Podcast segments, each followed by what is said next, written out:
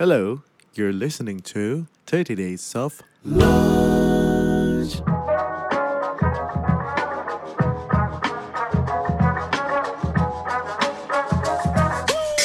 untuk dapetin beasiswa kayak Maudi gue nggak bisa juga otak gue nggak nyampe. Dan itu nggak apa-apa gitu. Self awareness level tinggi banget nih.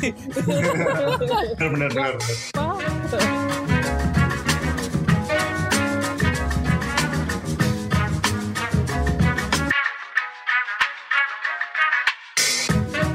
kita tahu positif ini over positif yang bahkan bisa menjadi hal yang negatif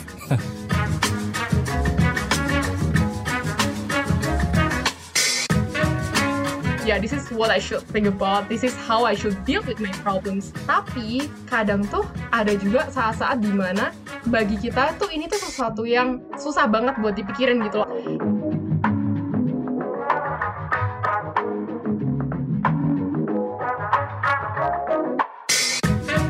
Orang bikin uh, goal dalam hidup kan ada ada singkatannya smart, specific, measurable, apa apa gitu kan. Nah, ini ada nggak sih kayak istilah-istilah gitunya gitu biar orang gampang ingat gitu.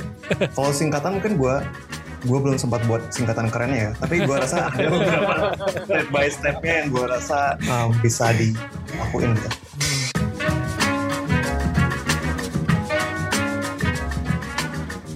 Welcome back to 30 Days of Lunch teman-teman Podcast di mana lo bisa belajar sambil makan siang Walaupun sekarang kita makan siangnya virtual ya Tapi teman-teman gue berharap lo tetap bisa menemukan 30 menit, 40 menit, 50 menit sejenak antara lo dan diri lo sendiri untuk mengisi pikiran lo dengan hal-hal yang positif. Nah, bicara hal yang positif, kapan sih kita tahu positif ini over positif yang bahkan bisa menjadi hal yang negatif? nah, hari ini kita akan ngomongin tentang toxic positivity, sebuah judul yang menurut gue menarik banget dan ini datang dari co-host kita yang kemarin gue buka uh, untuk uh, teman-teman di Instagram. Dan gue seneng banget hari ini untuk menyambut Vinsky karena dari sekian banyak akhirnya ketemu Vinsky yang excited banget. Dia yang come up with the topic dia yang come up with the questions dan dia sendiri yang handpick uh, Alex uh, gue handpick Nago. Oh gitu. jadi kita bagi-bagi tugas ya. Uh, so it's gonna be fun karena kita datang kedatangan sama teman-teman yang yang yang punya cerita yang real di lapangan dan sekaligus uh, dari sisi uh, psikolognya. Vin mungkin mau kenalin dulu diri ke teman-teman uh, yang ngedengerin. Oke oke, aku pengen bawa topik ini tuh karena inspired by Ko Alex juga. Nah, ceritanya gimana sih sampai bisa uh, ke episode ini tuh? Karena waktu itu aku baca pengumumannya Ko Ruby kan, lagi kebetulan lagi buka um, kesempatan untuk cobain jadi co-host nih di episode berikutnya. Nah, terus karena aku mikir ya meskipun aku sebenarnya nggak ada kayak background professional, you know like um, experience yang banyak di kayak radio, penyiar atau gimana, aku mikir kayak mungkin bisa jadi uh, kesempatan untuk mulai gitu kan, untuk nyoba karena ya why not, why not nyoba gitu sih.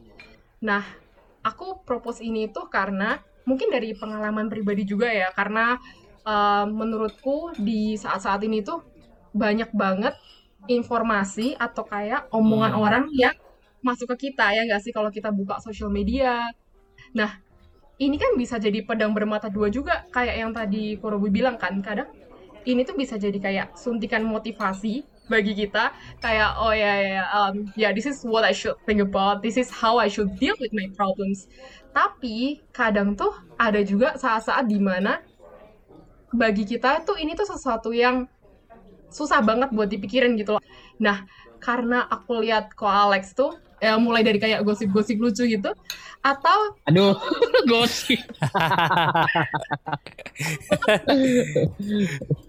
Soal temen kerja spill soal kelakuan-kelakuan dakjal orang-orang tuh kayak Hmm. seru itu seru banget. Tapi selalu tapi selalu gue nangkapnya tone-nya uh, Alex tuh positif Ringan. gitu. Ringan uh, terus dibungkus dengan message-message yang yang yang yang baik gitu yang yang big uplifting ya dengan hashtag signature-nya. Let me tell you a story.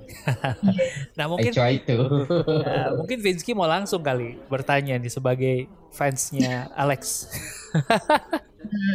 Mungkin um, tanya dengan pertanyaan pembuka dulu nih. Menurut ko Alex sendiri toxic positivity itu apa?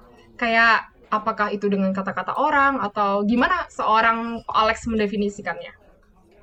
Sebenarnya gini loh, yang namanya toxic positivity itu balik lagi ke intention yang ngomong sama bagaimana si reseptor itu uh, mengartikannya, ya nggak sih? Jadi ada yang kayak kayak gini deh, uh, awal tahun ini aku kehilangan sahabat.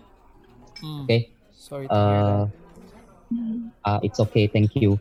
Jadi sekarang masih dalam proses berduka, tapi ketika gua cerita di sosial media bahwa gua kehilangan sosok orang yang udah kayak abang gua sendiri, orang yang banyak banget ngasih ilmu dan segala macam kan. Iya. Ada yang komen gitu, ya udah kak jangan sedih-sedih. Gue pas denger itu langsung triggered gitu yang, ih anjing juga loh. I mean, iya ngerti maksudnya baik, Mm-mm. tapi bisa nggak sih nggak ngomong kayak gitu? Hmm. kayak bayangkan kalau itu dibalik mama kamu baru meninggal terus dikasih tahu ya udahlah nggak usah sedih-sedih kan nyesek ya Hmm. mungkin toxic positivity salah satunya seperti itu Hmm. buat gue karena waktu itu ya mungkin lagi sensitif aja Iya. terus triggered tapi ya pada akhirnya gue mikir lagi intensi orang ini sebenarnya ke mana sih mungkin dia mau menghibur Iya. mungkin dia nggak tahu kata-kata yang pas untuk dikeluarkan Hmm. Kayak misalnya ada orang lagi berduka, lu tinggal ngomong sebenarnya I'm so sorry for your loss. Is there anything that I can do to help you? Hmm. Salah satunya itu, itu message yang uplifting tapi nggak jadi toxic gitu loh. Hmm. Jadi kalau nyuruh orang jangan sedih-sedih ya nggak bisa, orang dia lagi sedih. gitu. Lebih ke situ sih. Gue masih jujur aja sampai detik ini masih sebel kenapa sih orang-orang emang nggak boleh ya kalau sedih itu. Hmm. Gitu. Tapi ngomongin soal grief emang emang enggak semua orang tuh diperlengkapi dengan tools yang tepat nggak sih buat ngerespon? Iya. personal. gue saking takutnya ya karena gue tahu gue nggak pinter ngeresponin ini. Gue kalau ada orang yang kedukaan, gue nggak berani ke rumah duka Lex. gue takut salah ngomong. gue takut malah memperparah situasi. You and me we are the same. gue bahkan dulu pernah nge-tweet sejujurnya ketika orang ada orang yang berduka, Hmm, ketika kita mengucapkan tanda bela sungkawa, Iya. itu meaningful apa enggak sih? Iya. I mean di satu sisi iya kita ingin ngasih tahu bahwa kita berduka, tapi di sisi lain does it help? Iya, that's my question. Berarti gue mau coba tarik garis dulu ya. Um, akhirnya lo mencoba untuk memahami orang dengan, oke mungkin dia intensinya nggak ke situ, Iya. ya kan? Tapi kan itu ke sana. itu buat orang-orang yang punya hati dan punya pikiran logis yang bisa mikir ke situ. Ada juga orang yang nggak sampai bahkan dia untuk mikir seperti itu, untuk bisa berempati sama orang yang salah ngomong sama dia, gitu kan? Right? Nah mungkin gue mau coba tanya ke Nago dulu, uh, as a uh, clinical psychologist gitu, lo pernah ngalamin situasi yang seperti ini uh, tentang toxic positivity and secara real sebenarnya kita bisa nggak sih narik garis atau emang seabu-abu itu gitu. Dan setiap Hmm. orang akan beda-beda pasti garisnya. Oke, em, gua rasa yang apa mungkin kita sering sebut sebagai toxic positivity gitu kan ya, Iya. di sebagai sebuah popular terms untuk saat ini tuh mungkin salah satu bentuk cerminan kita sebagai manusia yang mungkin kayak kita kita nggak tahu bagaimana handle negativity di kehidupan kita gitu. Hmm. Jadi kayak nggak cuma mungkin dalam situasi grieving pertama-tama, Iya. lalu juga bisa dengan situasi mungkin mengalami kerugian dalam hidup, dan juga mungkin tentang bagaimana kita memiliki life problems gitu. Mungkin salah satunya juga di kayak di counseling gitu, misalkan orang tahu dia datang tuh dengan masalah tertentu gitu. Cuma kadang-kadang ibaratnya kita tuh sangat nggak nyaman punya masalah, terus pengen cepet-cepet selesai dari sana gitu Hmm. gimana caranya gue punya trauma gue heal gimana caranya gue um, rugi terus sekarang untung gitu Hmm. gimana caranya gue sekarang nggak berhasil bisa jadi sukses gitu jadi kayak kita tuh mungkin ibaratnya kayak tabu gitu ya nggak sih mengakui bahwa ada sisi diri kita tuh yang punya kekurangan Hmm. punya negativity Hmm. sehingga jatuhnya kita deny itu dengan positivity gitu Hmm. ibaratnya toxic positivity itu menurut gua ketika suatu hal yang harusnya positif itu kita paksain untuk semua situasi dan kita paksain untuk semua timing gitu kayak yang tadi Alex bilang sebenarnya orang kan punya timingnya sendiri gitu kan ya gue lagi berduka nih kayak orang yang lagi berduka tuh udah tahu harusnya positif. Tapi lagi nggak sekarang dulu gitu loh. We have our own time gitu. Hmm. kayak gitu sih. Gue rasa kenapa kita tuh begitu anti gitu dengan negativity sehingga akhirnya maju ke toxic positivity gitu. Hmm. Tapi um, izin ya, karena ngomongin soal grief tuh buat gua hal yang susah banget dan I think di situasi kayak gini nih ya dengan pandemi um, case yang gua baca itu udah tembus 100 ribu gitu semenjak kita ppkm gitu ya orang yang yang yang meninggal gitu. Um, buat mereka yang lagi ngalamin uh, sama mereka yang di sekelilingnya nih teman-temannya saudaranya menurut Nago, what is the best and appropriate way to respond and to help?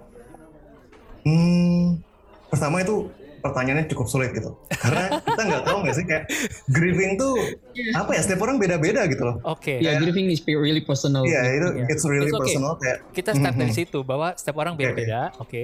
Hmm. Oke jadi gini, um, by definition or by theory kan ada tuh yang mungkin populer kayak five stages of grief yang kayak gitu loh. Iya. Ya, uh-uh. Denial, anger, bargaining, depression, acceptance yang kayak kayak gitu. Hmm. Tapi itu in teori gitu. Pada nyatanya setiap orang tuh beda-beda gitu. Makanya kalau gue sih ketika berhadapan dengan orang yang dalam situasi grieving, lebih baik kita fokus ke ya lo saat ini enaknya ngapain gitu. Hmm. Lo masih butuh nangis, lo masih butuh sendiri, atau lo masih mau memaki-maki kejadian situasi ini, it's okay gitu. Mm-mm. Jadi Hmm. langkah pertama tuh kayaknya to let your emotion go free Iya. untuk mengeksplor perasaan ini, bahkan mungkin ke perasaan-perasaan yang menurut mungkin masyarakat atau society itu negatif, kayak sedih, marah dan lainnya gitu.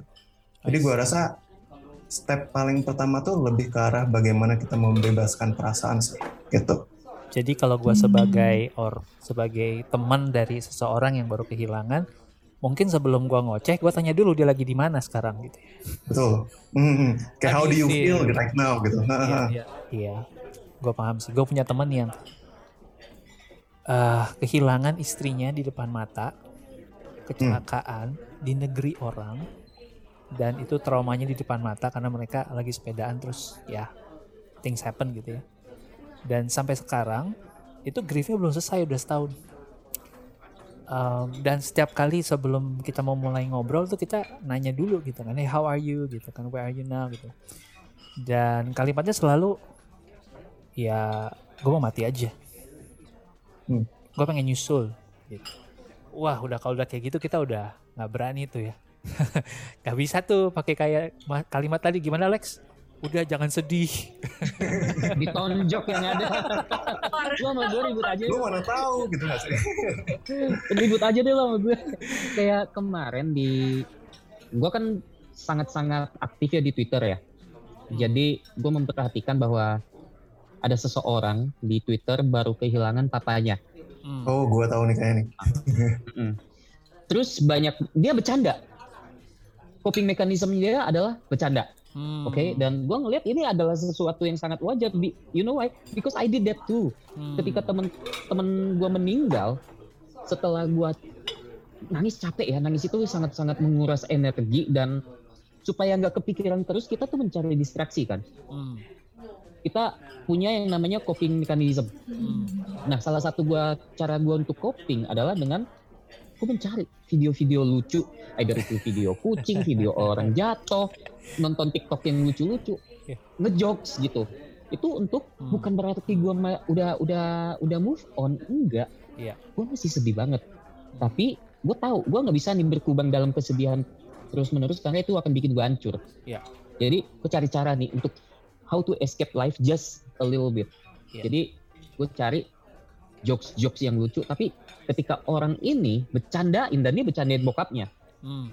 dan menurut gua karena mereka udah sedemikian dekat itu wajar banget Iya. ribut di Twitter wah lu nggak berduka lu bapak lu begini Eh, aduh people people Aduh. grieve differently Iya, dia in real life tuh gimana? Kan orang cuma lihat dari tweet-tweetnya dia. exactly right Iya. exactly dan apa ya orang itu berduka dengan caranya cara mereka masing-masing ada yang Hmm. nangis terus, ada yang nggak mau bahas dukanya sama sekali. Hmm. Ketika ditanyain dia akan bahas hal yang lain. Hmm. Oke. Terus ada yang kayak tadi gue bilang making jokes because that's their coping mechanism. Yeah. And we we siapa pun itu we have no right to control how people grieve kan. Ya. It is not our place dan itu nggak sopan aja Hmm. gitu dan kayaknya orang-orang kenapa konsep sesimpel ini bahwa orang setiap orang berduka dengan cara mereka masing-masing. Ya. Kenapa itu susah Ya. dipahami? Kenapa lo harus memaksakan apa yang lo pikir benar ke orang lain? Ya. Ya. Ya. Itu yang bikin gua kesel sebenarnya dari kemarin. Karena mungkin emang gak ada sekolahnya sih buat belajar ginian ya. ya memang, tapi itu common sense aja gak sih? Common sense itu kita kasih sekarang di episode ini ya. Jadi first thing first, lo ngecek dulu where are they now in that process gitu kan. Tuh. Nago ya. And then next stepnya apa kira-kira? Em, kadang-kadang gue sebagai teman gue pengen ngelakuin lebih juga gue eh, terbatas gitu. Misalnya yang gue tahu banget adalah gue bisa ngirimin makanan, something to comfort mereka gitu kan. Em, Kalau udah sampai ke eh, apa namanya? Kalau udah sampai dia butuh ngobrol dan dia bersedia untuk ngomong, eh gue butuh tempat untuk cerita, ayo siapin waktu kan. Tapi nature-nya orang juga seringnya adalah eh, menyendiri dulu nih. Tapi kita takut dia kenapa-napa gitu. Ya, Mhm, benar benar benar. Dan Oke. how do you interfere gitu? Nah gini, mungkin justru kadang situasi yang kayak gini yang bisa memicu toxic positivity gitu. Hmm. Kenapa? Karena ketika teman kita lagi berduka, kita yang feel bad karena mereka berduka gitu. Hmm. Jadi uncomfortable feelings itu ada di kita. Gitu. I see. Kadang itu yang membuat orang kayak, ayo dong semangat dikit gitu. Hmm. Enggak, ayo dong kita pergi ke sini gitu. Hmm.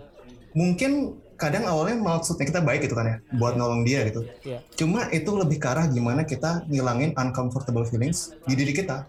I see. gue jadi temen kayak ini kok nggak berguna banget sih ya nggak sih kayak gue jadi temen kok nggak bisa bantu dia Iya, iya. padahal dia nih lagi dealing sama um, difficult emosinya dia sendiri gitu Hmm. nah jadi sebenarnya cara terbaik pertama ya tentu kita give them space and time Hmm. bagaimana mereka bisa dealing itu proses itu sesuai dengan stage-nya mereka sendiri Ya. dan kedua adalah ngasih tahu mereka kalau kita available in Hmm. case they need something gitu Hmm. jadi kalau suatu saat mereka mulai mikir yang aneh-aneh. Mulai ngelakuin suatu hal yang mungkin bisa membahayakan diri mereka, Iya. kita kasih tahu kalau uh, you are one chat away from us gitu.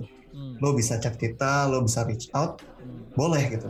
Cuma kayak tadi uh, Ruby bilang, itu ketika dia sudah siap untuk melakukan itu atau ketika dia berada di posisi itu. Hmm. Karena kalau enggak, kadang kita yang nggak tahu sendiri gitu loh. Hmm. Lo masih oke-oke aja nggak sih?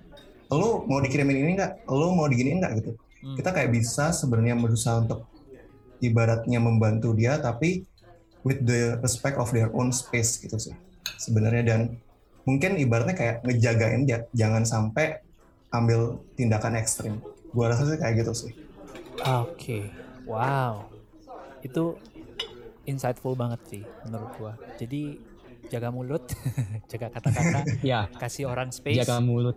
eh, tunggu sampai mereka. eh, tapi tetap kasih tahu availability kita eh, itu udah paling basic ya. Mhm. Mungkin gua mau coba belok sedikit ke toxic positivity yang bentuknya lain. Kalau boleh nanya nih, kira-kira kalau apalagi zaman sekarang nih, kan datangnya nggak cuma dari orang sekitar kita, tapi sosial media nih yang menarik. Rizky pengen nanya ke Kak Nago, ke Alex, kira-kira kalau ada konten-konten di sosial media yang, you know, dari kayak inspirational accounts, for example, yang kayak eh, ada quote-quote inspiratif misalnya, kayak kita tuh harus uh, good vibes only misalnya, atau kayak always be thankful, always be, you you know, like there are a lot of these motivational quotes, right? Nah, That's stupid actually. itu dia. Kalau kata Alex, gua nggak butuh quote motivasi, gue butuh 100 miliar. Ya banget tuh, bener lagi. Kira-kira Enggak masalah gini loh. eh, spektrum emosi kita kan luas banget ya. Kita nggak bisa bilang ke orang untuk good vibes only, keep positive. That's such bullshit man. I mean bisa aja gue lagi nggak baik-baik aja, tapi gue juga nggak nggak nggak lagi pengen denger orang ngomong good vibes only. Ayo jangan sedih-sedih. Itu ya udah. Let me be aja nggak sih? Hmm. sama orang yang positif yang vibe-nya kelihatan sangat positif belum tentu dia tidak ada hal-hal negatif di dalam diri dia loh Iya, mungkin yang iya. kita lihat di sosial media adalah apa yang ingin dia tampilkan. Tidak secara keseluruhan. Hmm, kan it's it's always been like that bukan? Pasti. bahwa apa yang kita tampilkan di sosial media biasanya biasanya the best part of ourselves our achievement lah apalah segala Iya, macam iya, iya. dan untuk gue pribadi I grieve in silence. Hmm, gue mungkin akan nge-tweet satu dua tapi abis itu udah ya udah biar gue aja yang ngerasain karena Hmm. gue percaya bahwa apa yang gue sebar di sosial media itu could affects other people Iya. gitu jadi ketika gue nyebar meme yang lucu-lucu orang ketawa gue ikut senang hmm, gitu tapi gue kalau cerita yang sedih terus menerus mental orang yang kehajar dan gue nggak mau hal itu hmm. jadi harus balance Yang berarti ngomong ya. Yang ngomong good vibes only please lah nggak se nggak setiap hari harus begitu nggak setiap saat harus begitu itu toxic Hmm. banget sih Hmm. sumpah Benar, benar, benar, benar.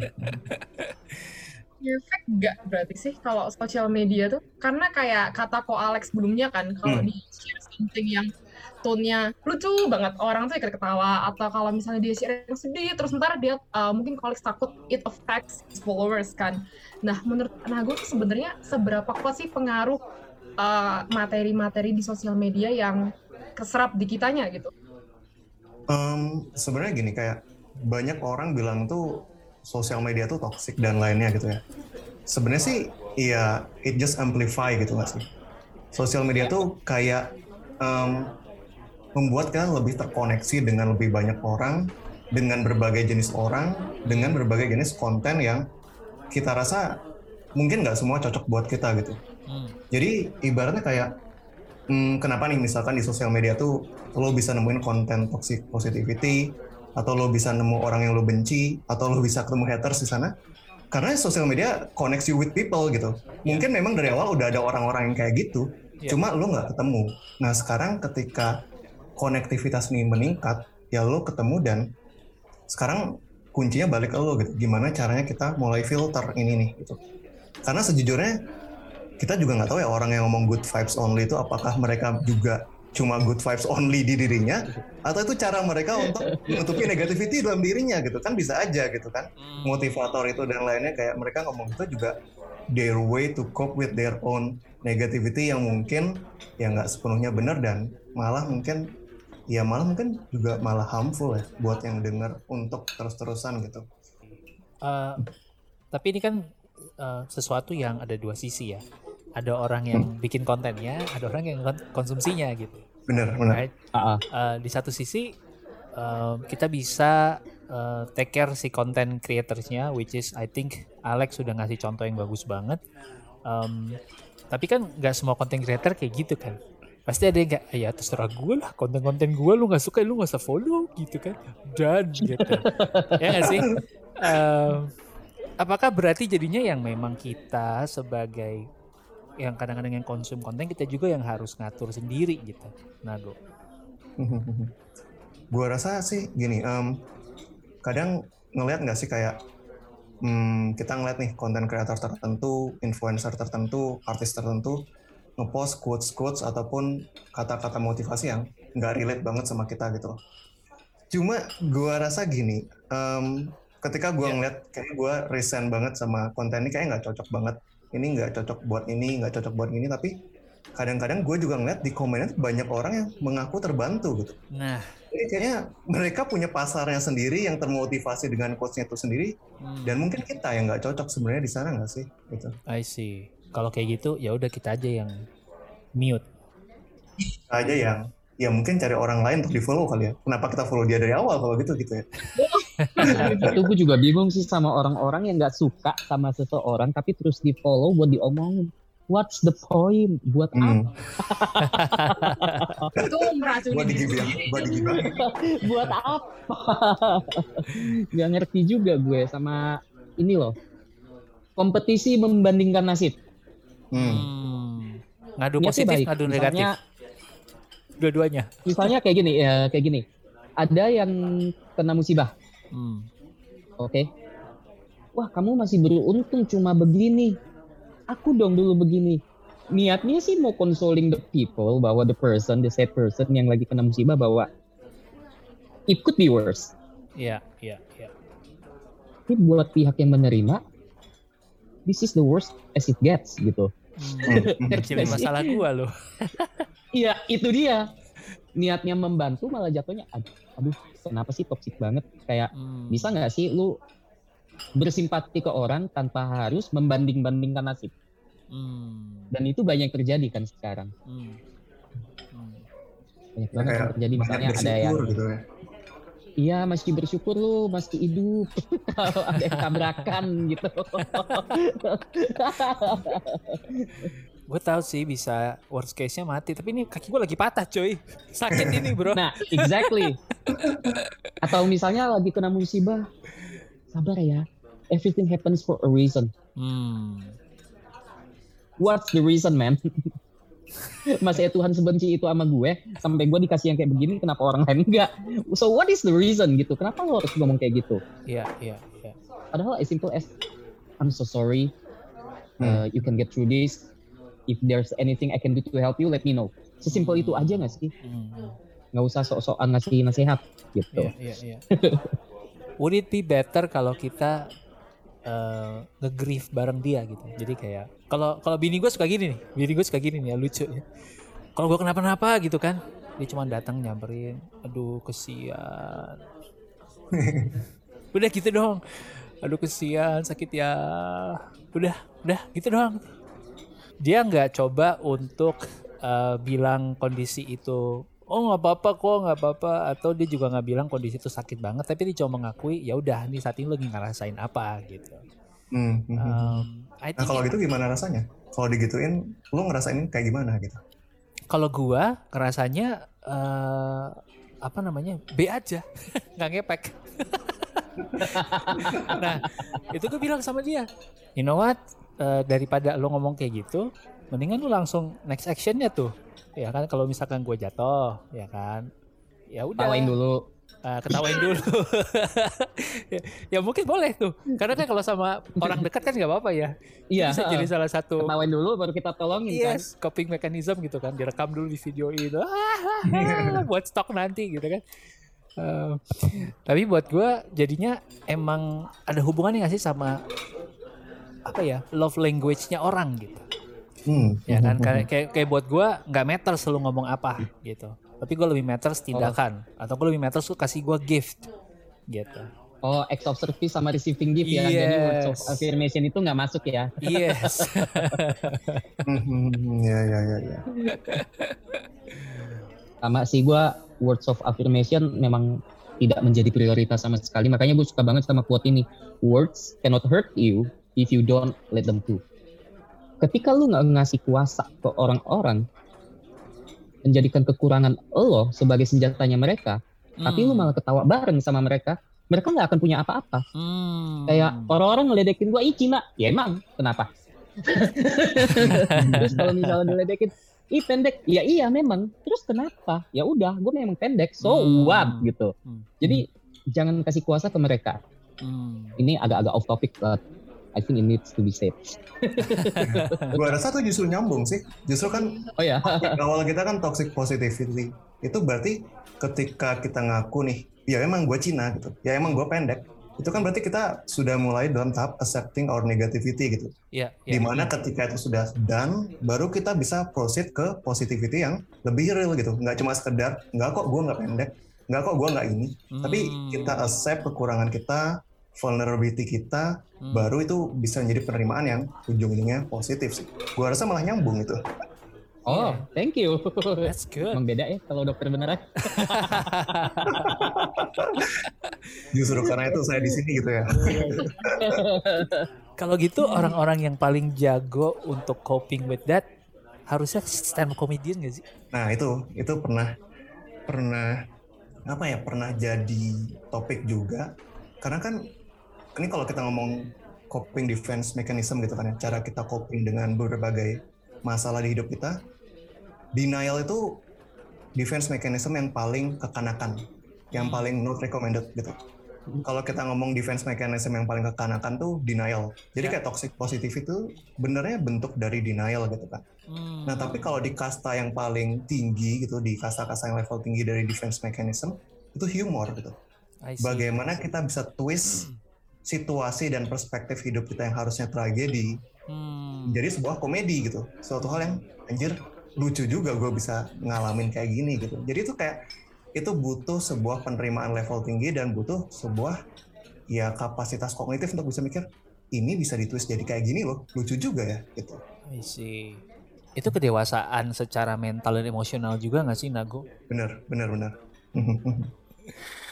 Interesting. Gue soalnya ngelihat ada temen ya em, yang apa sih kalau bahasa Inggris kan disabled, oh difabel. Tapi ini orang tuh bisa ngetawain ke difabelannya dia.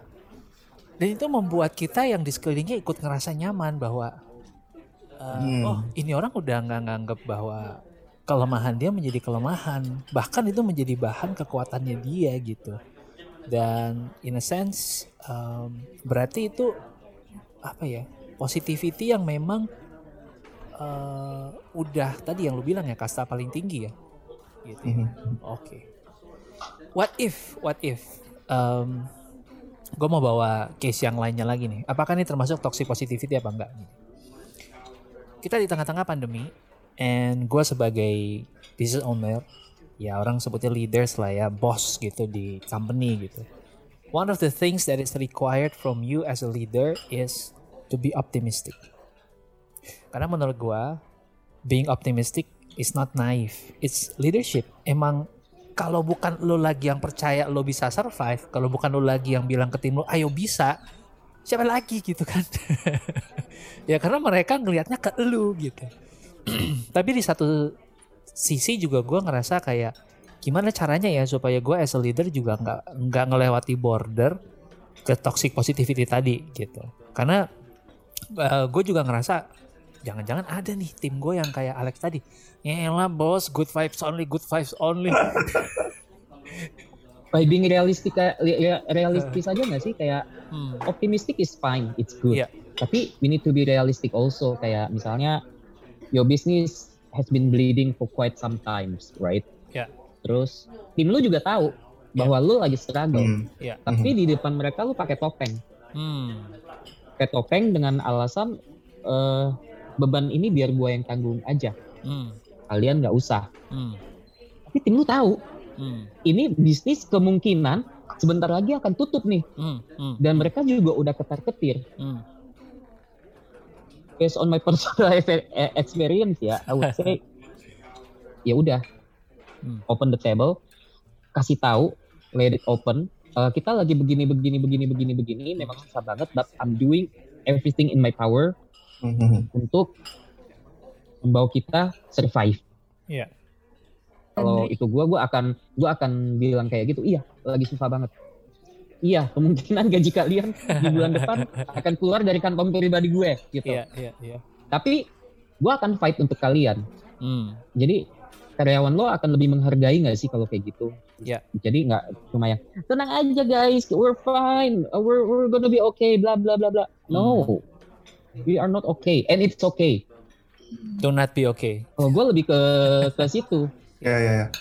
Jadi mengakui kayaknya bahwa memang ada masalah gitu. Hmm, Mhm. hmm, Jadi kayak optimistic itu oke. Kayak kita bilang we will be okay, but right now we are not gitu kan. hmm. Pasti di depan tuh ada chance getting better gitu. Tapi kali ini lagi nggak baik-baik aja nih. Iya. Jadi gue rasa optimis tuh boleh dan optimis tuh sebenarnya ya masuk akal dan itu empowering gitu. Iya. Cuma jangan sampai itu ignore kalau saat ini masih banyak hal yang harus kita kerjain. gitu. Masih banyak negativity yang lagi menimpa kita gitu sih. Hmm. Berarti uh, it's okay to not be okay. Untuk pertama kalinya lu nyampaikan apa ada situasinya, tapi masih ada tiga bulan, enam bulan, satu tahun untuk berjuang ke depan gitu, right? Iya. Right. Um, tiga bulan, enam bulan, satu tahun ke depannya, tentunya makin bisa jadi makin ribet dan makin susah gitu kan, ya kan? Belum tentu makin gampang, belum tentu langsung solve juga gitu. Um, tentunya kita juga tetap pengen jadi orang yang yang bright gitu orang yang yang ketika kita datang tuh orang ngerasa oh ini vibe-nya asik gua dia bisa kita bisa kasih energi. Em, dengan cara apa kita bisa tetap realistis setelah kita tadi mengakui. Terus tapi yang gue pengen tahu nih ngejalanin hari-hari ke depannya nih what do you guys think? Solution sih mau nggak mau. Kayak kita kalau masih dalam konteks bisnis solusinya apa nih? Oke kita punya masalah A B C D. Hmm. outputnya outputnya mungkin akan jelek nih. Kalau kita tidak D E F G. Hmm. jadi for every problem there's a solution kan? Solusi dalam jangka dekat apa? Menengah apa? Jangka panjang apa? Apakah mecat karyawan menjadi opsi? Kalau itu misalnya bukan apa? Misalnya kita bisa promosi di mana?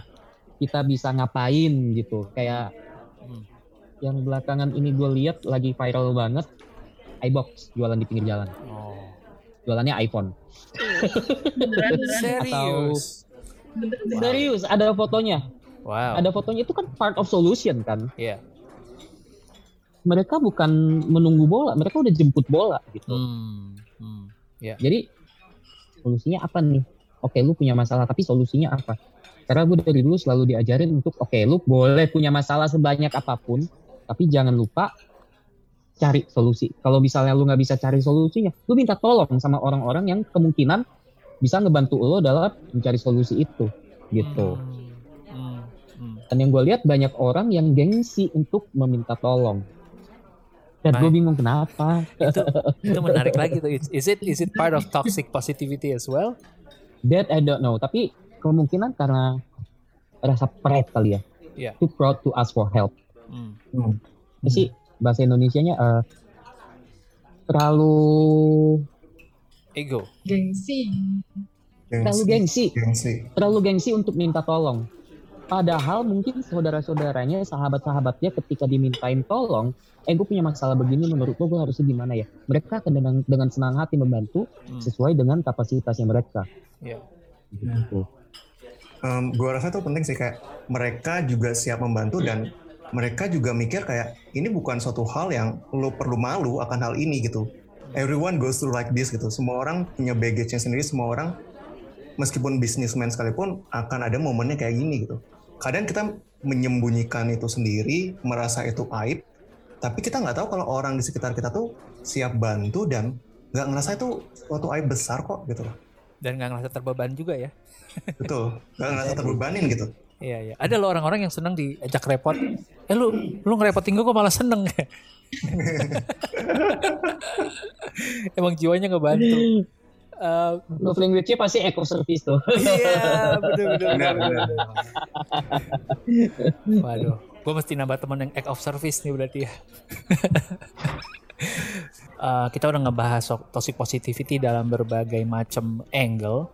Tapi satu yang juga lagi marak eh, adalah kayak toxic productivity. Cah. Hmm. Nah, ini ini gue nggak mau terlalu banyak nih kayaknya ngelihat ekspresinya Alex langsung dia ada tiga cerita yang mau diceritain. Let Alex tell you a story. nago aja, nago aja. But what do you guys think? kadang gini, ketika kita mengkonsumsi konten di media sosial gitu kan ya, sering kali itu membuat kita ngerasa kayak em, mereka semua sudah ngelakuin banyak hal, mereka semua sudah nyampe di berbagai tempat, gue di sini aja gitu. Hmm. Dan kita mungkin sering kali berusaha untuk cope with that um, persepsi diri yang kayak gitu itu dengan menutupinya dengan productivity gitu. Ini menutupi ya. Jadi kayak gue pernah waktu itu ngobrol sama salah satu teman gue bilang kayak orang yang benar-benar produktif itu nggak ngelakuin itu supaya cuma kelihatan produktif gitu loh. Hmm. They have their own reason, they have their own goals, dan mereka nggak kayak, oke nih, biar gue produktif gue ngapain ya? Oke nih, biar gue kelihatan sibuk gue ngapain ya? Mereka nggak kayak gitu gitu. Jadi makanya gue rasa sebelum kita sibuk mikirin kita produktif dan lainnya, kita nyari fondasinya dulu. Why we are doing this? Meaningnya, reasonnya. Hmm. Karena kalau nggak kita cuma kayak sibuk, sibuk, sibuk, tapi nggak jelas mau ngapain gitu nggak sih? Hmm, hmm. Um, thank you banget Nago. Um, Yang gua rasa menjadi isunya orang jadinya adalah ini gue nambahin ya. Hmm. Di satu sisi kita tuh tahu kita punya mimpi yang besar gitu ya, 100 M nya Lexi, right? Tapi di satu sisi dalam dolar. dalam dolar. Tapi di sisi lain kita juga by nature kita punya sisi malesnya kita gitu loh. Hmm. jiwa-jiwa rebahan ini. ya jiwa rebahan ini pasti ada gitu kan. Uh, jadi gimana caranya kita bisa pelan-pelan um, audit diri kita sendiri. Oh nih gue udah udah di borderline, udah terlalu over nih. Gue bentar lagi burn out gitu. Ini productivity yang udah nggak produktif gitu. Tapi di mana juga kita tahu bahwa ternyata eh gue tuh emang kurang kerja keras ya. Mohon maaf. ya emang hidup lu gitu-gitu aja karena ya gue ngeliat kayaknya lu nggak ada usahanya gitu dibandingin sama orang lain gitu ya. Right? Nah, jadi how do we know those two extremes gitu? Oke, em, ini kalau gua yang gua rasa em, cukup ngena gitu ya untuk mungkin situasi dengan beberapa klien gua dan ketika gua discuss gitu di webinar ataupun diskusi gitu, gua lebih suka pakai prinsip direction over destination gitu. Hmm, bentar. Jadi kayak dibahas Indonesia kan dulu. Takutnya bahasa ada Indonesia yang apa ya? Em, direction tuh tujuan daripada em, arah lebih matters dibandingkan tujuan. oke. Jadi gini, gua tahu di hidup ini mau ngapain. Gua tahu bidang apa yang gua suka ulik. Anggaplah itu jadi suatu arah yaitu ke arah barat. Hmm, Jadi setiap hari gua gua arahin ke barat gitu. hmm, Entah itu misalkan nih dalam creating konten, dalam main alat musik, dalam bisnis. Jadi kita tahu kita ngarahin diri ke arah barat, tapi tergantung kita. Hari itu kita mau lari, hmm. kita mau jalan, atau mungkin bahkan hari itu kita mau duduk, tapi ngarepnya ke barat. Duduk pun ngadepnya ke barat. Gitu. Jadi, jadi intinya ketika kita sudah punya satu arah, selanjutnya tinggal bagaimana awareness kita sama tingkat energi kita gitu loh. Hmm, Apakah ini saatnya kita macu karena kita lagi merasa banyak energi, hmm. atau ini kayak ini sudah kelewatan secara mental and physical, ini waktunya duduk, tapi tetap ngarahnya ke sana gitu. Boleh nambahin sih, Hmm. yang tahu kapasitas kita sendiri kan Hmm. kayak gue tahu gue kerja udah terlalu keras sehingga ketika gue mengerjakan pekerjaan gue yang sebelumnya level energi gue nggak ada di, di level yang sama Hmm. mungkin itu adalah tanda-tanda burnout jadi nggak apa-apa loh berhenti karena ada orang-orang yang nggak bisa nih gue harus kejar target yang kayak begini Hmm. ini lagi zaman susah Hmm. yang paling Hmm. penting adalah survive dulu nggak sih Surviving, Dulu. Iya. Betul. surviving is all that matters Hmm. Eh, dan hidup itu kan bukan kompetisi dengan orang lain kompetisi lihat siapa yang paling sukses karena dia, dia mau lo mau setajir apa pun masih ada Jeff Bezos di atas sana masih ada Elon Musk gitu jadi kenapa nggak realistis aja sih kayak oke lo capek banget boleh istirahat yuk Hmm. tidur siang Ya. buat yang nggak kantor 15 menit 20 menit biar lebih lebih seger lagi Ya. atau cari hiburan apa gitu nggak perlu yang terus menerus di force feed jangan sampai kerja kerja kerja kerja tipes Hmm. kan nggak lucu ya hasil kerja yang dulu yang banyak ini ternyata untuk membiayai tipes kita Hmm. itu akan menjadi amat sangat tidak produktif jadi you need to know when to stop Hmm. dan kita perlu tahu kapan gue bisa ngegas Hmm. perhatikan level energi masing-masing kalau untuk gue sendiri kayak gitu Itu Gitu. butuh orang yang punya self awareness yang luar biasa nggak sih? Tahu kapasitas diri sendiri. Betul. betul. Oh, aku boleh share dikit ya dari perspektif anak muda nih. Aduh. anak muda. aduh jadi kita di situ lah Kan ini om-om semua kali ya di sini. I didn't say that. Jadi kayak salah satu sampel kenapa ini tuh bisa jadi toxic positivity kalau dari aku pribadi ya. Ini Hmm. tuh karena kalau kita lihat orang lain, terutama kalau aku misalnya scroll scroll Instagram misalnya sambil lagi rebahan gitu, terus aku lihat they have everything done, like everything figured out. You know, like when I see someone like constantly hustling every day, tiap hari bisa kayak produktif, tiap hari bisa kayak setiap hari set ini banget hari ini ngapain ngapain Hmm, ngapain. hmm, hmm. Nah, terus secara nggak sadar bagi kayak kita kita yang baru baru lulus, mungkin kayak baru merasakan nih nyemplung ke dunia Hmm. yang sesungguhnya nih, bisa jadi kayak aduh, Hmm. Ya ya ya. Em, gua rasa itu nyambung ke ini sih. Ketika Vinsky bilang kalau kita lihat teman di sosial media dan lainnya itu, itu ketika kita nggak punya self awareness tentang diri kita ini bisanya apa, maunya ke mana, kita membiarkan standar orang lain itu menjadi standar untuk diri kita gitu. Kayak we don't we don't have our own ruler. Kita nggak punya meteran diri kita sendiri. Jadi kita nyari itu dari postingan teman-teman. Oh standarnya ini ya. Oh standarnya ini ya Hmm. yang di mana itu standar mereka tapi kita pakai untuk standar kita karena kita nggak punya awareness tentang diri kita sendiri gitu Hmm. Gue mau tanya Lexi deh. Di tengah-tengah pandemi, kan lo lagi mau nulis buku baru. Apa udah udah 90% ya bahkan katanya? Ya kan? Iya. Nah, Ah, ah. but at the same time, lo juga secara aware bilang bisa bilang bahwa survival is number one dulu. Gitu. Tapi buat orang, lo di tengah-tengah pandemi bisa nulis buku baru, wih gila nih, luar biasa produktif gitu kan? dua dua buku pak. Nah, ekstra lagi. Nah, itu kan eh, apa ya? kayak gini loh. Lagi-lagi balik ke coping mechanism sih kayak Hmm, gue punya prinsip. Prinsip gue dari dulu adalah begitu gue udah capek ngeliatin orang gila si A udah nyampe sini si B udah nyampe ke negara ini si C Hmm, udah bisa hmm, bikin pameran begini. Hmm, ngejar mereka tuh terengah-engah loh capek oh hmm, karena kita terus melihat ke atas kita Hmm. lupa yang ada di diri lo tuh apa apa yang lo punya. Hmm, jadi prinsip gua sekarang adalah kalau orang lain bisa ya udah biarin aja. Lo aja udah nggak apa-apa I'm happy for you. But kalau untuk mengukur kemampuan diri sendiri Ya. gue harus realistis men. Karena tidak semua orang mulai dari garis start yang sama kalau orang lain bisa ya udah dia aja. Mau di Ayunda S2 di mana sih dia? Di Harvard apa di Stanford? Ya udah dia aja. Hmm, happy for her. Hmm, tapi aku ya udah gue di rumah aja dulu deh. Hmm. gue nggak mampu nih kuliah sampai ke Stanford. Gue tahu biayanya mahalnya luar biasa Iya. gitu untuk dapetin beasiswa kayak Maudi gue nggak bisa juga otak gue nggak nyampe. Dan itu nggak apa-apa gitu. Self awareness level tinggi banget nih. benar benar apa kayak Oke. gue nggak seganteng Jimin Jungkook. Ya udahlah dia aja yang jadi artis gue tinggal penontonnya aja deh gitu. Hmm, jadi memang ada beberapa hal yang kita bener-bener nggak bisa maksa.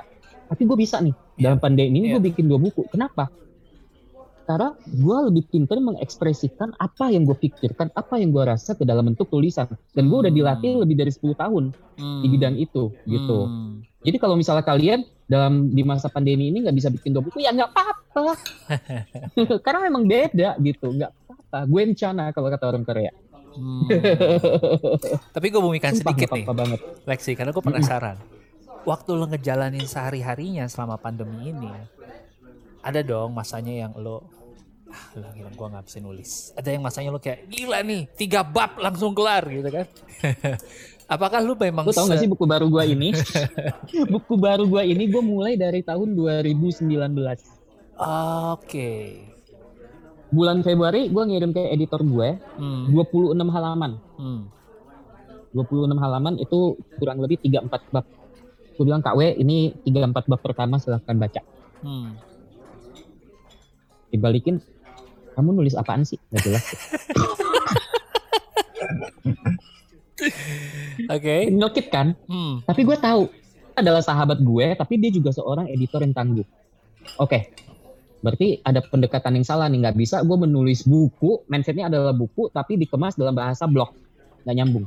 Hmm. Ada segment quality yang memang beda gitu. Oke. Jadi ketika pandemi mulai, gue udah nggak bisa traveling lagi. Gue benar-benar duduk mikirin konsepnya. Apa yang ingin gue tulis? Apa yang Hmm. ingin gue bagi? Dari situ gue baru mulai. Dari jadi proyek ini benar-benar proyek 2 tahun. Udah Februari 2019, sekarang udah Agustus 2021. I see. Dua setengah tahun men. Jadi apakah ini gampang? Enggak. Tapi gue sengaja gue pilih karena I see. banyak banget yang gue tulis di sini memang media buat gue untuk ngelepasin yang toxic toxic nih gitu. Oke, wow. Jadi sebenarnya orang di luar sana akan melihatnya wih keren banget nih di tengah pandemi nulis buku Enggak. dua. Tapi Hmm. sebenarnya buat Enggak lu keren. it's a dua setengah tahun. nggak keren karena hmm, satu gue berkarya iya betul Hmm. tapi sebenarnya sejujur-jujurnya alasan paling personal adalah ini adalah upaya gue untuk menyembuhkan diri juga dari trauma-trauma yang Hmm. gue punya di masa lalu Hmm. gitu trauma kehilangan trauma ditinggalkan Hmm. trauma kesepian terus apalagi ya trauma dilecehkan Hmm. cuma gue kemas dalam bentuk cerita perjalanan gitu Hmm. Oke. Lalu gue bahas juga tentang galau usia 20-an, di mana gue ngerasa gila, gue nggak bisa mati aja apa ya, ngabisin Hmm. oksigen doang nih nggak berguna banget di hidup. Hmm. Gue pernah di fase kayak gitu, Hmm. gitu. Gimana caranya lu bisa ngerubah semua kelemahan-kelemahan dan kekurangan-kekurangan tadi jadi potensi cuan? Itu By realizing that, by realizing that, gue nggak akan pernah jadi penulis yang paling hebat sedunia. Hmm. Gue nggak akan pernah menjadi fotografer paling keren, pemenang Pulitzer misalnya. No, Hmm. that's not going to happen. Gua nggak akan pernah menjadi orang yang paling ganteng. Gua nggak akan pernah menjadi orang yang tulisannya paling keren. Gua nggak akan pernah menjadi orang yang paling tajir. Hmm. And that's okay. Hmm. By accepting that I am a mediocre, but I will be, but I will try my best to be the best version of my mediocrity. Masuk akal nggak sih? Oh, Gue tahu gue mediocre nih, tapi gue akan berusaha untuk diri gue sendiri untuk menjadi orang yang biasa-biasa aja, yang terbaik. Hmm. Even that makes sense. oh oke oke. Gue gue masuk gue gue nangkep sih gue nangkep sih. Karena Ah. bahkan di di hal yang lu rasa biasa aja gitu kan ada orang yang anggapnya itu luar biasa ya nggak? iya ya udah udah keren tuh. Udah keren gitu ya. Mungkin, mungkin. Tapi kan gue nggak pernah berpatokan sama orang lain. Gue cuma tahu bahwa nggak mungkin gue akan setajir ke keluarga Bakri. Nggak mungkin gue akan sepinter misalnya mau di Ayunda. Nggak Hmm. mungkin foto-foto gue akan menerima penghargaan kayak Paul Nicklin. Atau Hmm. gue nggak mungkin untuk level lokal menulis sebagus Dewi Lestari. Dia itu Hmm. udah kayak dewa banget. Hmm. Udah, gue terima, nggak apa-apa. Oke. Tapi nggak apa-apanya gue ini bukan berarti gue berserah diri. Gue masih see. terus berusaha. I see. Karena kan manusia belajar setiap hari ya. Iya. Itu. Hmm. Nah, Go, kalau dapat Hmm. kalau dapat klien kayak Alex, menurut lo ada yang ada yang ada yang perlu lo beresin lagi apa menurut ini udah udah luar biasa luar biasa banget nih, udah self awareness bagus banget nih. gue rasa gue rasa di hari ini kan Alex bisa ngomong kayak gitu tapi gue rasa juga pasti tuh banyak struggles banyak up and downs banyak Ya Allah. ngerasa progress Ya tapi juga Allah. kadang ngerasa juga ini turun lagi tapi gue rasa itu sih gue rasa meskipun kita mungkin sudah berada di level awareness yang ini tapi jangan sampai kita um, mendinai kalau Alex juga udah ngelewatin banyak hal untuk processing these things gitu kan Hmm. karena kayak kalau dia bilang tentang bercerita di buku dan lainnya untuk handling trauma, itu kan cara kita untuk bisa pelan-pelan lepas dari sana gitu. Jadi kayak ketika kita punya satu perasaan emosional yang traumatizing gitu kan, biasanya memang kita auto udah nggak mau buka itu lagi, Iya. udah nggak mau bahas itu lagi. Hmm. Padahal justru dengan membahas, menceritakan, menuliskan kembali, di situlah beban-beban emosinya pelan-pelan pudar gitu loh. Hmm. Ya, gue Rewriting, ngerasain banget. Hmm, cerita ke teman dan banget. lainnya. Maka dari itu mungkin itu yang membuat kita bisa berada di posisi kayak hari ini. Gitu sih gue rasa. I see. Wow. Wow. Karena gue pernah banget kayak udah ada pisau nih di tangan nih. Ngerasa bisnis hancur. Buat makan besok aja harus ngorek-ngorek tabungan. Dan di Hmm. tabungan gua itu cuma sisa 15 ribu. Hmm. Sementara vendor udah mulai nagih-nagihin utang. Gue udah di... Sih nggak nih? Terus gue pikir, gue takut ngeliat darah. gitu loh. Pernah di level kayak gitu. Aduh, Hmm. sampai yang dulu Indomie sebungkus itu gua gua jatahin jadi tiga kali makan. Hmm. Udah pernah di level-level kayak gitu. Jadi Hmm. aduh ya udahlah. Capek banget gue bandingin hidup sama orang udahlah serah lo aja deh. Hmm. Lu mau tajir ya udah, good for you, lu tajir aja sana. Wow. Tuh. Gua nangkapnya nih ya. Ini coba untuk mulai wrapping up uh, today's episode. Um, kayaknya Gak emang lama juga ya kita ya. Iya, but I learned a lot personally. Um, kayaknya bagian yang emang paling krusial adalah acceptance dulu ya. Hmm. Itu kayak pintu ke mana-mana gitu. Kalau acceptance-nya beres, uh, next steps-nya tuh udah kayak jauh lebih lebih mulus gitu. Termasuk bisa ngomong, iya gue emang semediocre ini.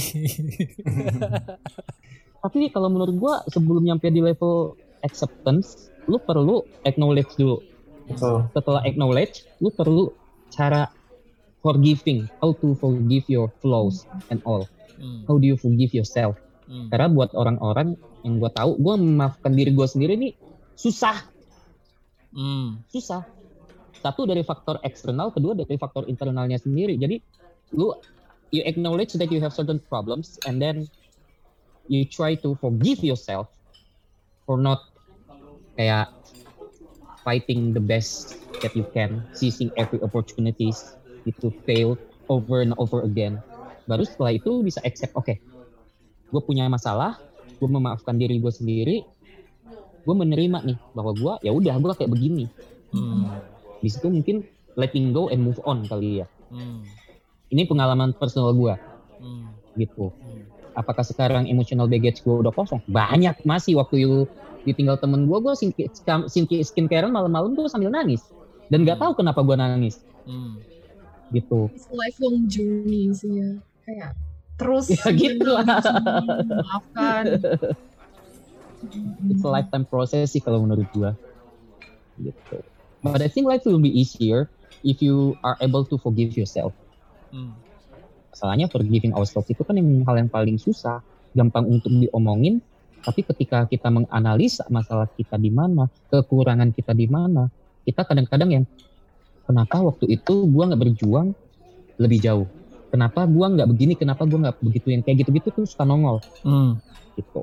kayak kayak regret, guilt itu banyak banget muncul di diri kita sekarang dan kita lupa kalau kita punya penyesalan tuh karena kita sudah melewati masa itu gitu nggak sih? Hmm. Even kalau kita punya mesin waktu dan balik ke belakang, belum tentu kita ngambil pilihan yang berbeda gitu.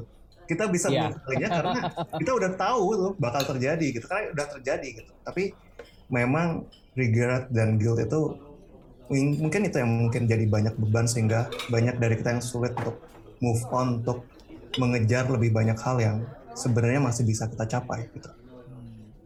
I see, I see. Teman-teman mungkin tadi udah mulai bisa tangkep ya apa yang teman-teman rasa cocok, em, apa yang teman-teman rasa relate dari ceritanya eh, Alex, dari eh, sharingnya Nago gitu. Tapi mungkin kita coba bikin menjadi step by step eh, yang lebih bisa diikutin gitu misalnya. Nago, em, when it comes to toxic positivity buat teman-teman yang ngedengerin, eh, ada nggak sih kayak langkah-langkah, wah, misalkan eh, kalau orang bikin eh, goal dalam hidup kan ada ada singkatannya smart, specific, measurable, apa apa gitu kan. Nah, ini ada nggak sih kayak istilah-istilah gitunya gitu biar orang gampang ingat gitu. Hmm, hmm, Oke. Kalau singkatan mungkin gua gua belum sempat buat singkatan kerennya ya, tapi gua rasa ada beberapa step by stepnya yang gua rasa um, bisa dilakuin gitu. Hmm.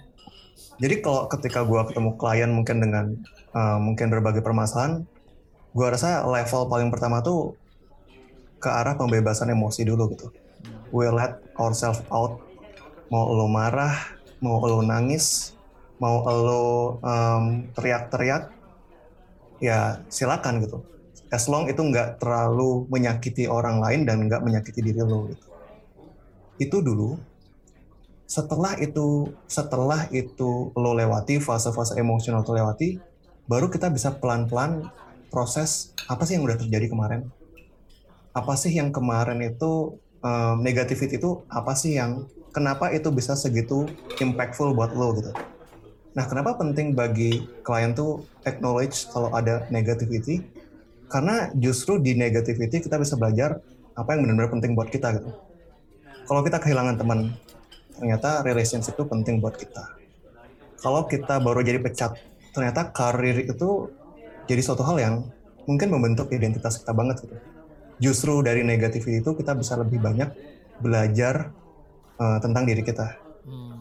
Setelah itu baru bagaimana kita coba-coba pelan-pelan taking the first step again kadang-kadang mundur lagi, marah-marah lagi, kadang-kadang mundur lagi, belajar lagi, maju lagi, ulang-ulang-ulang sampai pelan-pelan ya mental kita terasa gitu sih.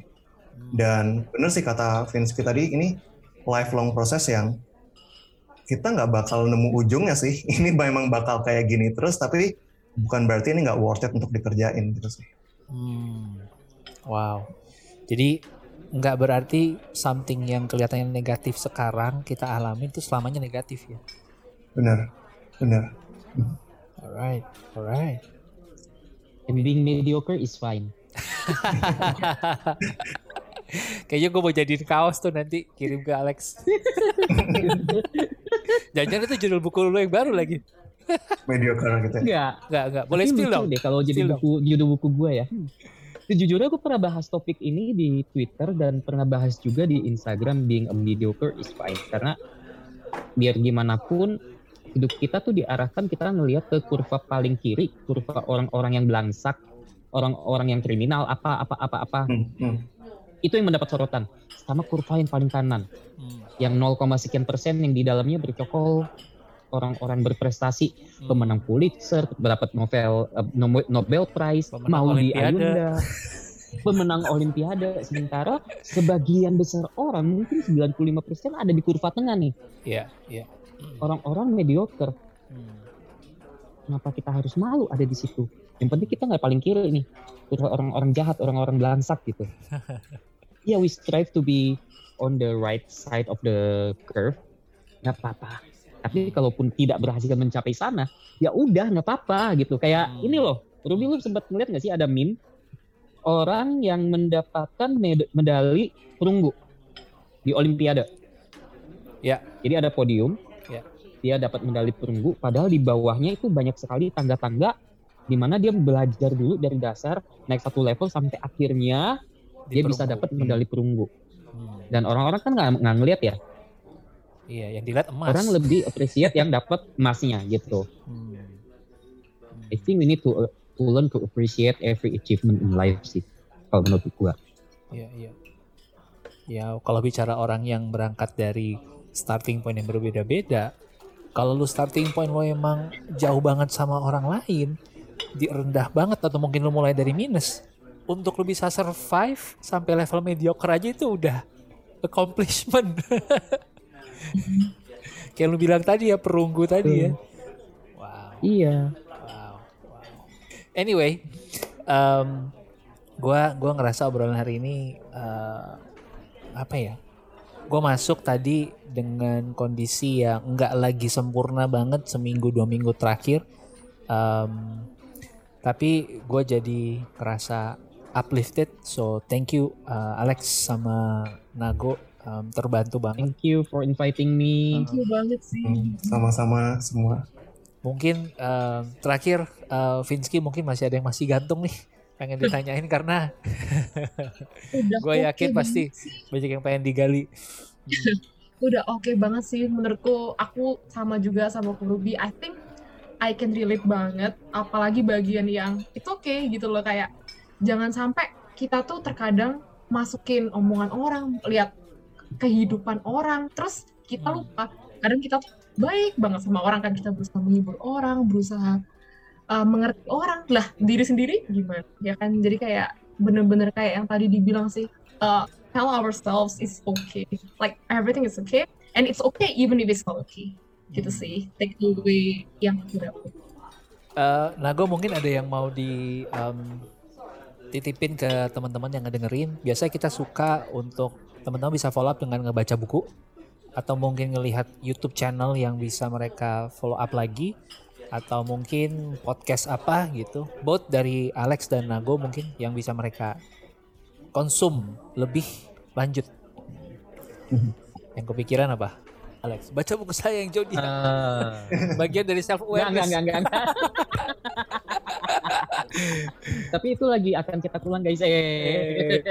But anyway, eh, satu buku yang akan sangat akan selalu gue rekomendasikan ke teman-teman adalah The Subtle Art of Not Giving a Fuck. Hmm. Mark Manson. Please baca, Hmm. Mhm. Manson.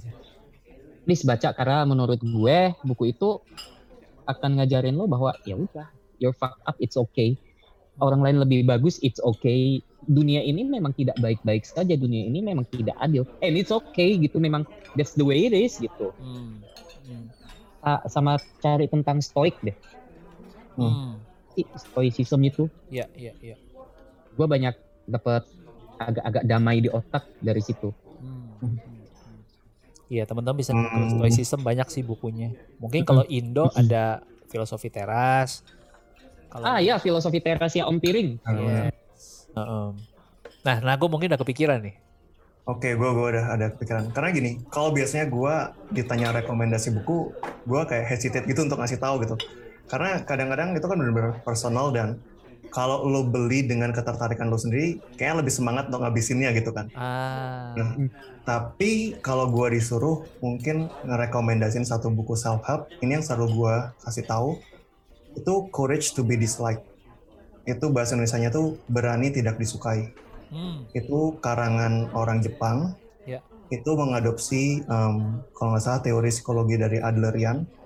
Itu yang membuat karena menurut dia yang biasanya membuat kita begitu uh, craving for validation, memasukkan semua omongan orang lain ke kita, itu karena kita melihat hierarki kita tuh vertikal gitu. Dia tuh di atas kita. Dia tuh lebih dari kita. Makanya kita ngikutin omongan dia, even ke orang tua kita. Hmm. Di sini kita diajak berpikir untuk horizontal. Hmm. Semua orang tuh punya kelebihan dan kekurangan masing-masing dan it's okay to be different.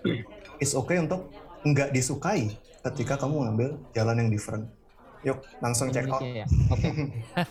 Langsung masukin Kindle nih. Iya. Mantap. Thank you. Sip, sip. Thank you Nago, thank you Alex, thank you Vinsky. Um, gua hari ini sekali lagi sangat terberkati dengan kehadiran teman-teman semua dan teman-teman yang ngedengerin juga podcast ini. Um, kalau lu dapat sesuatu, please say thanks sesimpel dengan post ini di sosial media lo. Bagikan ke teman lu yang mungkin ngerasa butuh denger ini, lu nggak pernah tahu. Mungkin ini sesuatu yang bisa menyemangati mereka dengan cara yang positif tapi nggak berujung sampai ke toxic ya. Um, bisa sesimpel juga nge-tag teman-teman uh, tiga yang ada di sini. Mungkin bisa Vinsky uh, Instagramnya apa Vin? Mungkin IG portfolio aku aja deh, at paper.ski. Pepper.ski. Kalau Alex sudah tahu lah ya, at Amrazing. Iya. At Di- Amazing amazing. teman-teman, kenalkan. Nago, Gua di Instagram atau Twitter mungkin @nagotejena. T Jena pakai J ya. Ya, nama gue memang aneh sih, sorry ya. Keren tahu. Keren, Gue keren jadi gila. mikir, hmm, lucu nih Nago gue jadiin tokoh fiksi di novel gue baru nanti. Boleh nggak sih? Kalau toko. kehormatan, ceritanya jangan yang aneh-aneh tapi ya. enggak, enggak kok. Um, alright Oke, teman-teman, aku sampai sudah ketemu lagi follow. di uh, 30 Days of Lunch episode berikutnya. See you. See you. Bye. Bye, bye-bye. Bye.